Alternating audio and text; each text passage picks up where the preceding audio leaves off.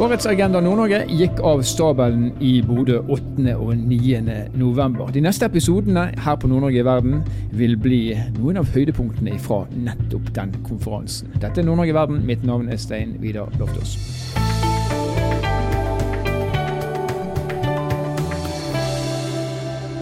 Målet med Agenda Nord-Norge er å bringe frem felles kunnskapsgrunnlag, sånn at vi som bor i landsdelen kan ta felles og gode løsninger med tanke på fremtiden i nord. Årets Agenda Nord-Norge starter med ja, man må kunne kalle det et virkelig helikopterperspektiv. Gøran Persson, tidligere svensk statsminister, finansminister har han også vært, bl.a. er en eh, svært klok mann som virkelig evner å se verden i ett perspektiv. Han innleder årets Agenda Nord-Norge, og eh, talen hans den skal du få høre nå. Første foredragsholder han er mest kjent som Sveriges statsminister i en tiårsperiode. Men han har også vært skoleminister, finansminister og kommunikatør. Han er kjent for å gjøre kompliserte forhold forståelig i sine foredrag. Og så har jeg også lest at han tester foredragene ut på kyrne sine hjemme på gården, så det må bare bli bra, det her. Ta godt imot Gøran Persson.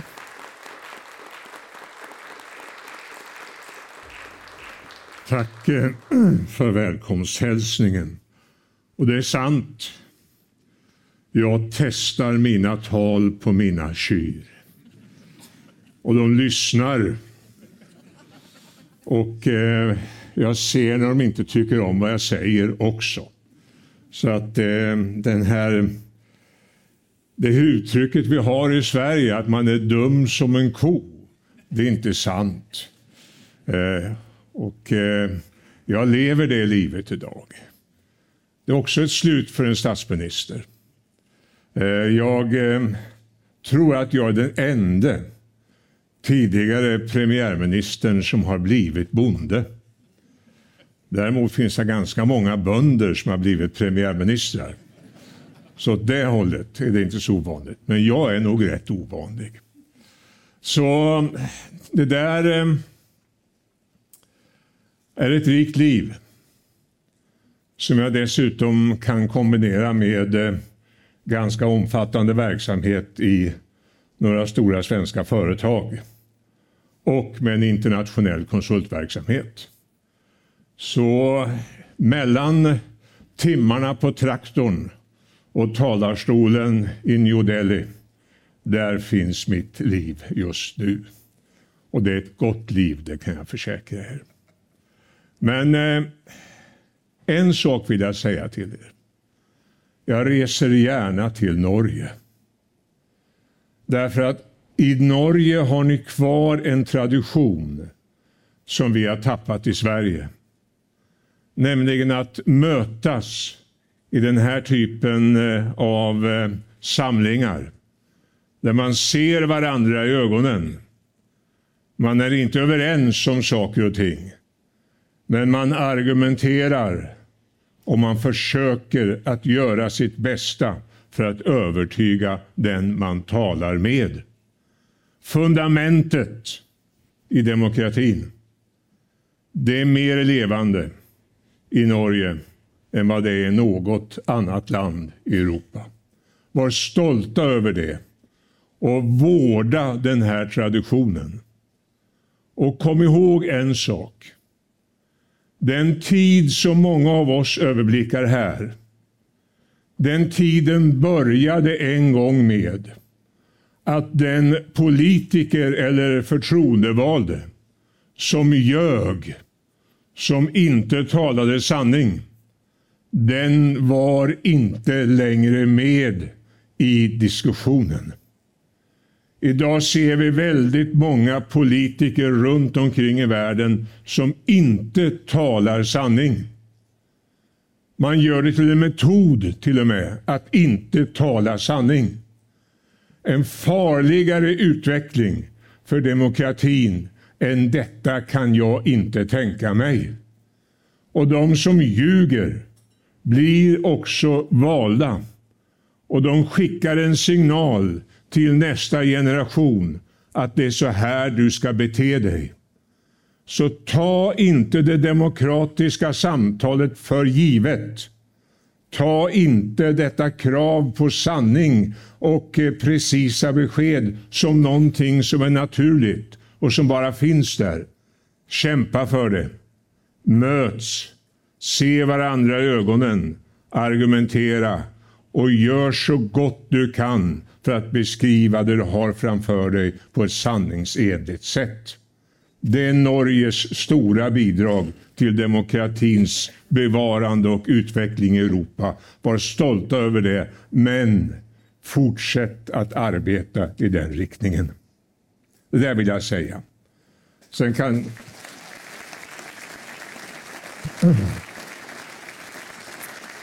Sen kan man säga så mycket annat om Norge. Och jag, jag, har, jag, har, jag har sagt det genom åren. Verkligen. Jag kommer ihåg jag talade på en eh, kommunförbundskonferens. Det var Norges kommunförbund som hade kongress i Molde för ett tiotal år sedan. Och då tänkte jag lägga upp talet så att jag först strök församlingen medhårs och sen skulle jag vända på det.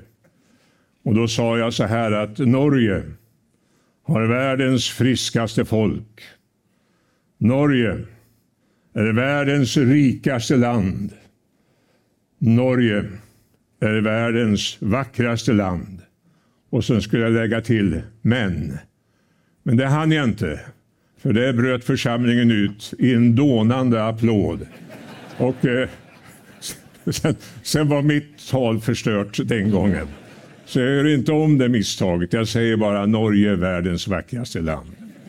Sen får ni hantera era rikedomar bäst ni vill. Och det gör ni så här långt tycker jag på ett imponerande sätt.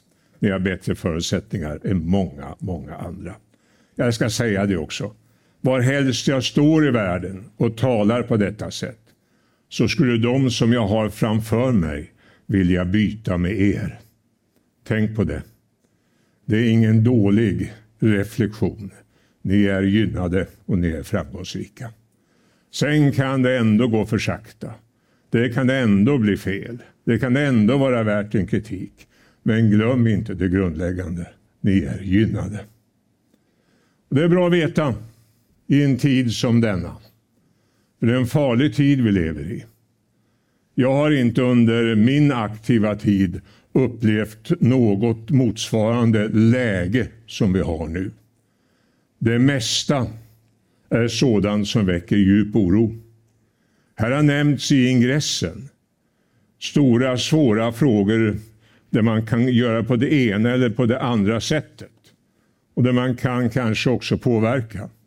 Men det finns några stora frågor, strukturer, som går just nu åt fel håll och som kommer att ha en väldig inverkan på länder som Norge och Sverige.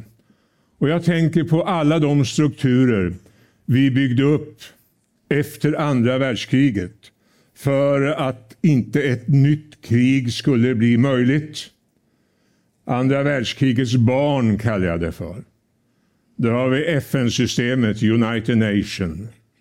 Inget land i FN har gjort mer för FN i relation till sin storlek än Norge. Kanske att Sverige kan konkurrera, men det är vi som har älskat FN-systemet. Och rätt så, därför att FN-systemet är internationell rätt. Rätt för små stater att bli behandlade på ett anständigt sätt rätt för företag från små stater att sälja sina produkter till rätt pris, inte bli utslagna och misshandlade. Det har varit en fantastisk period sedan andra världskriget i den meningen med FN-systemets idéer om folkrätt och internationell rätt. Nu ser vi hur det hotas. Jag går väldigt långt när jag säger hotas. Därför att när en av de permanenta medlemmarna i FNs säkerhetsråd, Ryssland, startar ett krig i Europa, ja då har vi en ny situation och den får vi inte blunda för. Den kommer att i grunden skada FN-systemet. Och det som skadar FN-systemet skadar internationell handel. Och det som skadar internationell handel, det skadar Norge och Sverige mer än de allra flesta länder. Så kriget i Ukraina kommer att få väldiga konsekvenser för det regelverk vi har byggt sedan andra världskriget. Ett annat barn av andra världskriget är den Europeiska unionen. Den Europeiska unionen skapades ju faktiskt för att man skulle få kontroll på kolet och stålet i Europa. Kol och stålunionen kallade vi det för. Sen kom man underfund med att Europas befolkning svalt och då blev också jordbrukspolitiken, matproduktionen, en angelägenhet för denna Europeiska union. Norge är inte medlem i EU. Men jag kan försäkra er, det är få länder i Europa som är mer lojala mot EU-systemet än Norge. Ni är inte med vid bordet och fattar besluten, men ni följer besluten och ni är konstruktiva i den dialogen. Det har jag själv medverkat till under min tid som statsminister och ordförande i Europeiska rådet, så att jag vet vad jag talar om. Norge är mycket god icke-medlem i Europeiska unionen. Nu är Europeiska unionen också under press. Det är bara att titta på den. Så ser ni hur stora länder där har inrikespolitiska problem. Och ni ser ju hur eh, de har svårt att eh, hitta en eh, formel för hur man tar beslut i ett större framtida EU. Det är så det är. EU kommer att fortsätta att växa. Hur tar man då beslut? En gång var man sex som satt kring bordet. När jag ledde överläggningarna så var vi 15 som satt kring bordet. Snart är det 37 som sitter kring bordet. Och så ska man komma fram till enhälliga beslut eller kraftiga majoriteter. Det blir en oerhörd utmaning. Särskilt som vi lever i en tid då den starkaste politiska kraften i Europa, men också på andra ställen globalt, är nationalismen. Nationalstaten har aldrig varit svagare än nu, men nationalismen är starkare än någonsin. Så de länder i Europa som ska komma överens om hur man ska driva utvecklingen framåt, de kommer säkert alla att försöka att hitta någon formel där man säger att ja, vi är gärna med och hjälper till, men vi måste ha rätten att i slutänden säga veto, vi är icke deltagande. Den där saxen som Europeiska unionen sitter i ska vi inte blunda för. Den Europeiska unionen är det närmaste vi har av stort handelsområde som behandlar Sverige och Norge med en anständighet som garanterar framtida marknader. I vilken riktning Storbritannien kommer att gå där är ohyggligt viktigt och i vilken eh, mån det kommer att påverka Europa, kanske rent av Norge kommer att ha större inflytande över än många andra länder på grund av eller tack vare era nära relationer med Storbritannien. EU och EUs utveckling. Och där Sverige står inför en situation där vi snart måste ta ställning till, ska vi skaffa oss euron eller inte? Vi är välkomna att vara med i klubben från den dag vi bara säger ja. Och vi sa nej en gång i tiden med eh, det absolut mest svårslagna politiska argument man kan tänka sig. Eh, svenskarna sa egentligen ja, men inte nu, senare. Det där är ohyggligt svårt att hantera i en folkomröstning. Och den folkomröstningen förlorade jag. Men jag vann debatten brukar jag säga. Vad har man för glädje av det när man inte vann omröstningen? Men nu har Sveriges krona fallit i botten. Det finns andra framgångsrika länder som har samma utveckling. Jag ska inte säga vilket jag tänker på. Men, men eh, eh det där kan man ju rycka lite på axlarna åt. Det löser sig väl över tid, säger en del. Men eh, med den kraftiga kronförsvagning vi har så blir ju hela det svenska folkhushållet fattigare i relation till omvärlden. Att eh, jag sen leder, sitter som ordförande i ett företag som heter LKAB, gruvföretaget i norra Sverige, där vi har alla våra kostnader i kronor och alla våra intäkter i dollar. Det ser jag ju hur det fungerar i praktiken i den världen. Men för folkhushållet hur länge kan detta pågå? Och hur kommer vi att komma ur det här? Jag har sagt, och jag tror att det kommer att ske, Sverige kommer att ansluta sig till euron. Och det blir inte efter någon storslagen folkomröstningskampanj. Det kommer att bli efter någon internationell ekonomisk kris. Det vill säga att vår valuta ger sådana skador för vår ekonomi att vi måste söka oss till en tryggare hamn. Om det gäller också för andra, det återstår att se. Men EUs utveckling, euron, eh, FN-systemet, WTO, där har ni några av andra världskrigets barn som vi har levt med och som min generation har kunnat luta sig emot i stor trygghet. Nu ska Sverige luta sig mot ytterligare ett sånt här barn från andra världskriget, Nato. Och eh, där har vi då mötts av den lilla malören att eh, Turkiet inte tycker att vi duger utifrån demokratiska utgångspunkter. Eh, och Ungern tycker att vi har varit för hårda i kritiken av deras sätt att utnyttja olika typer av EU-stöd. En märklig situation måste jag säga. Och ett memento, en varning. Man får inte ta något för givet. Och sätter man in NATO-perspektivet dessutom i en amerikansk valrörelse i det perspektivet och lyssnar till vad Donald Trump säger eh, så märker ni ju att det finns en isolationistisk tendens som uttrycks ganska klart i amerikansk inrikespolitik idag. Skulle den växa, ja då är den här typen av internationellt samarbete mer och mer en europeisk fråga. Icke desto mindre viktigt, men det kommer att gå åt det hållet, eller kan komma att gå åt det hållet.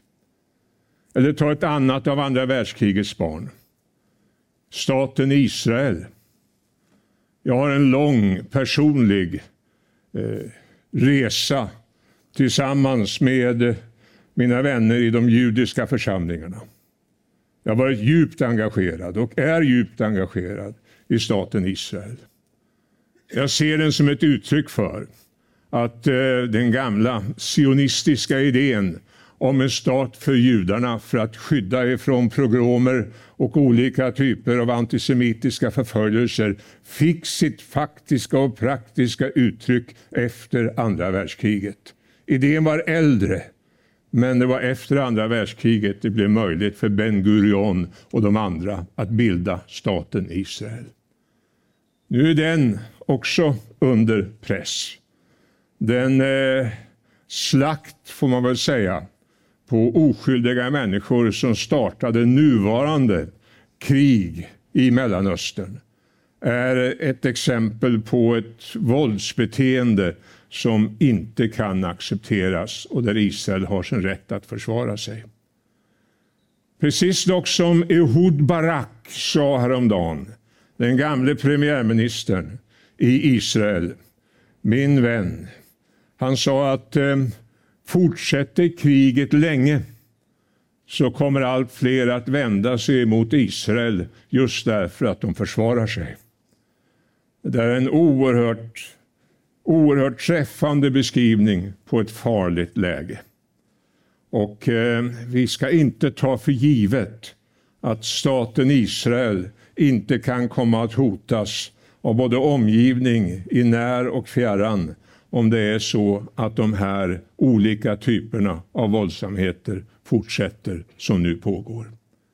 Israel, också andra världskrigets barn.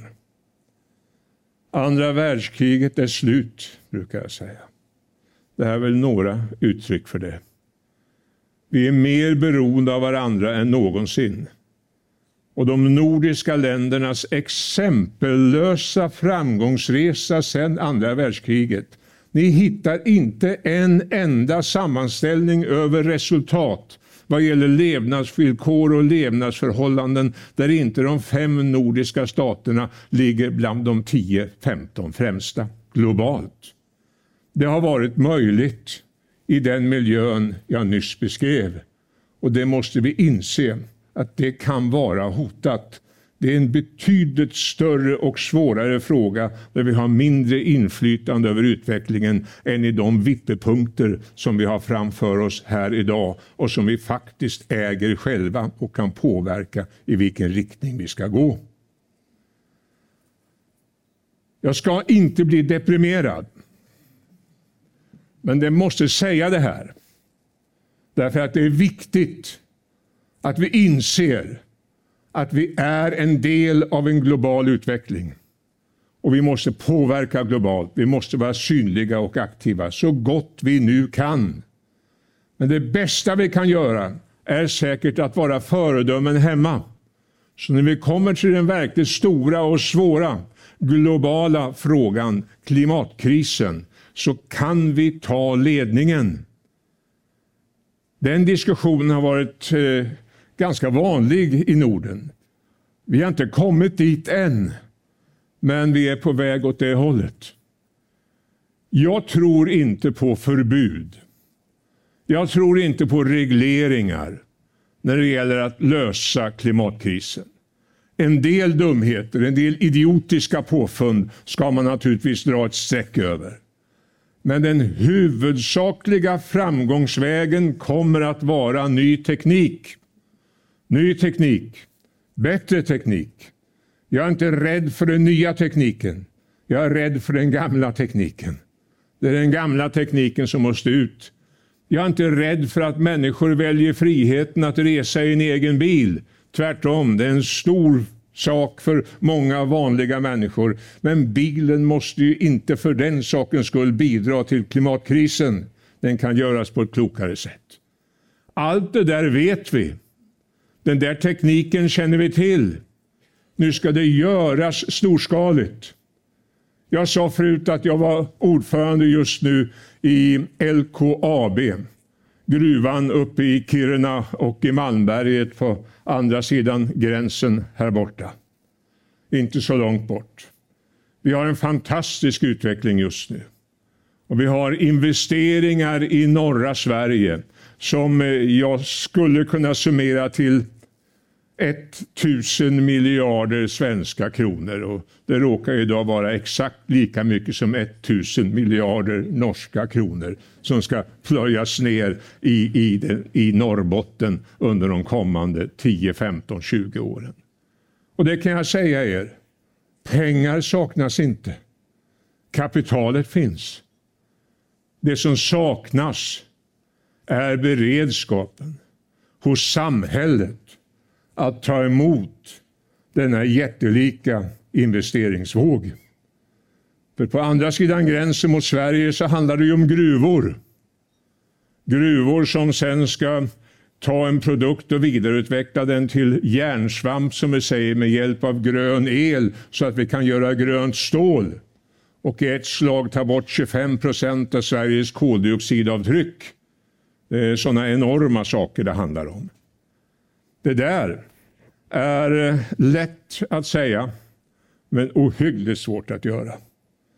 Bara det att med gruvan gå från 1365 meters nivå ner till 2000 meters nivå. Det är ett jätteprojekt. Men det är vi mest säkra på av allt, för det kan vi. Att få fram el till Norrbotten, det vet vi hur det skulle gå till. Men jag är inte säker på att vi kan göra det. Den el vi behöver i Norrbotten för de stora industriprojekten uppgår till 70 terawattimmar grön el. Det är dubbla den danska årskonsumtionen som ska till i tillskott just för att Norrbotten ska kunna göra sina industrisatsningar. Och det är det stålverk och gruvor jag talar om. Det är sällsynta jordartsmetaller och det är fosfor och vi har en strategisk resurs som inget annat land har motsvarigheten till i Europa. Men det kräver grön el. Och den gröna elen, var får vi den då? Ja, helst skulle vi ju köpa den i Norge naturligtvis. Jag misstänker att det finns en och annan som tycker att den bör användas här. Eh, då får man väl se till så vi kör järnmalmen till Norge i så fall. Det går väl också att diskutera. Men eh, vi har ett växande folkligt motstånd emot exempelvis vindkraft. Vindkraften är någonting som vi känner. Den vet vi hur vi ska göra med för att producera el. Och den vindkraften som gör grön el gör vi sedan grön vätgas av. Och den vätgasen gör att vi kan stänga de här så kallade eh, masugnarna i stålverken och istället ha elektrougnar. Det där finns och det är på gång och vi bygger första anläggningen i Malmberget. Men det är bara 13 terawattimmar el som går åt där. Det fattas ytterligare 57 terawattimmar el. Och en sak är att producera elen. Sen ska den dras över stora landområden. Och då har vi en konflikt med andra som har markintressen. Och vi har samernas intressen exempelvis som är väldigt svårt att hantera i det här sammanhanget. Så den konflikt ni kanske också kommer att uppleva, den finns på andra sidan nationsgränsen. Och då hamnar man så småningom i lägen där man måste försöka att eh, kompromissa så långt man kan, men sen i slutänden orka ta ställning. Det går inte att skjuta på saker och ting hur länge som helst. Förr eller senare måste du säga bu eller bä. Och min praktik som ansvarigt, eh, ansvarig statsminister var alltid att i sådana lägen säga in i det längsta undviker jag den där konflikten. Men när jag ser att den finns där, då måste jag våga sätta min post på spel och säga att blir det nu inte ett beslut som jag tycker är rimligt, då får någon annan ta hand om detta. Det där är politikens absolut svåraste ögonblick och den unnar jag ingen. Å andra sidan, ingen som inte tar det ögonblicket kommer någonsin att sätta ett avtryck efter sig som blir bestående. Så det ni har framför er i Norge, det håller vi just nu på med i Sverige. Vi kan lära av varandra och väldigt mycket av det som är kärnan här är grön el och naturresurser. Och Det kan komma att bidra på ett sätt till klimatkrisens lösning som är helt oslagbar. Jag sysslar med skog också. Jag sysslar med bank. Jag sysslar med kor. Jag sysslar med konsulting. Överallt där jag är aktiv så får jag ständigt en fråga om sustainability. Sustainability. Hållbarhet. För tio år sedan var det några framsynta personer som höll på med det där. Och jag kunde åka till Norge och njuta av en debatt som handlade om en bil som hette Fink. Eh, så såg det ut då. Det är ett tag sedan nu. Nu är det en ny situation och nu börjar man på att förstå att den som tar ledningen i den här frågan vinner marknaden och den som vinner marknaden vinner konkurrensen om framtidens produkter. Så nästa stora språng i den ekonomiska utvecklingen kommer vi att ta just därför att vi tvingas göra den ekologiskt uthållig. Det är den insikten. Och då måste vi se till så att vi är med där i spetsen för utvecklingen och vinner det racet. Vilken fantastisk utmaning. Vilket, vilken, vilken, vilken god uppgift. Vilken vacker uppgift. För det handlar ju inte om mig. Det handlar om mina barn. Och det handlar om deras barn. Jag kommer att hinna vidare till en bättre värld innan klimatkrisen omöjliggör ett gott liv på min gård i Sörmland. Absolut. Men jag är inte säker på att mina barn gör det. Och inte heller deras barn. Definitivt inte. Och då är det här en moralisk fråga. Och det finns ingenting som gör politiken och samhällsarbetet så tungt och viktigt som när det handlar om en moralisk dimension. Vad vi gör mot dem som kommer efter oss. Och där har ni hela klimakrisen. Där har ni hela klimafrågan. Det i kombination med eh, teknisk utbildning och forskning. Jag var här om veckan och träffade på våra vänner på den tekniska högskolan i Trondheim. Den spirit som fanns där det engagemang som fanns där, den framtidstro som fanns där. En oerhört viktig signal om vad som väntar Norge. om man kan ta tag i den tekniska utvecklingen. För några veckor sedan så talade jag i Nidarosdomen. Det var en dröm som gick i uppfyllelse. Jag ville ju bli präst. Det var, det var min stora dröm. Och jag gjorde säkert innan tio års ålder ett par hundra begravningar i Västra Vingåkers kyrka. Och lärde mig där att tala framför allt. Nu fick jag stå i Nidarosdomen. Norra Europas, kanske en av Europas absolut mäktigaste byggnadsverk. Vacker, imponerande och i hela sin salighet tung i närvaron. Där stod jag och talade för Sparbank 1. Det var bara det att biskopen som hälsade välkommen, hon tog det tal jag skulle hålla. För hon uttryckte sig också väldigt positivt om Sparbank 1. Så jag fick försöka stampa av i Mosebok istället. Men eh, det talet jag då höll handlade väldigt mycket om Ukraina. Vi talar inte om Ukraina idag. Jag refererade till Rysslands beteende i säkerhetsrådet när jag började. Men eh, vi får inte glömma att det pågår ett krig i Europa. Och vi får heller inte missta oss på att skulle det kriget inte lösas på ett sådant sätt så att det sätts gränser för Ryssland, då kan vi snart ha ytterligare ett i vårt närområde. Var och vilket, det vet jag inte. Men det är en farlig situation. Så blunda inte för den saken. Det här kan man reflektera över när man sitter på sin traktor. Jag rekommenderar det livet. Det är gott att vara ensam ibland också och tala med sig själv. Och när jag sitter där på min traktor så brukar jag inte sällan tänka på några vackra svenska dikter som lyfter vardagens mödor. Och när jag står här inför er och ska avrunda vad jag nu ska tala om så kommer en sån här vacker svensk dikt upp i mitt huvud. Jag vet inte om jag kan hela utan till, men det är en nobelpristagare som har skrivit det. Så att eh, ni har säkert läst det och kan fylla i det jag missar. Och det är så här, det passar bra med tanke på vad jag har framför mig. Jag längtar hem. Sen åtta långa år. I själva sömnen har jag längtan känt. Jag längtar hem. Jag längtar var jag går. Men ej till människorna. Jag längtar marken. Jag längtar stenarna där barn jag lekt. Jag längtar Sörmland som Gud fader själv har smekt. Det är en vacker dikt. De två sista raderna har jag skrivit till själv.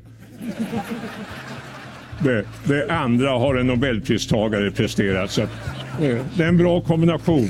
Tack ska ni ha. Nord-Norge i verden er en podkastserie som er produsert av eh, Sparebank1 Nord-Norge i samarbeid med Helt Digital. Musikken du har hørt er laga av eh, Emil Karlsen, og selv om jeg har hatt en ganske enkel jobb eh, i hvert fall på disse Agenda Nord-Norge-episodene, så er fortsatt navnet mitt Stein Vidar Loftaas, og jeg kommer til å være her også i neste episode.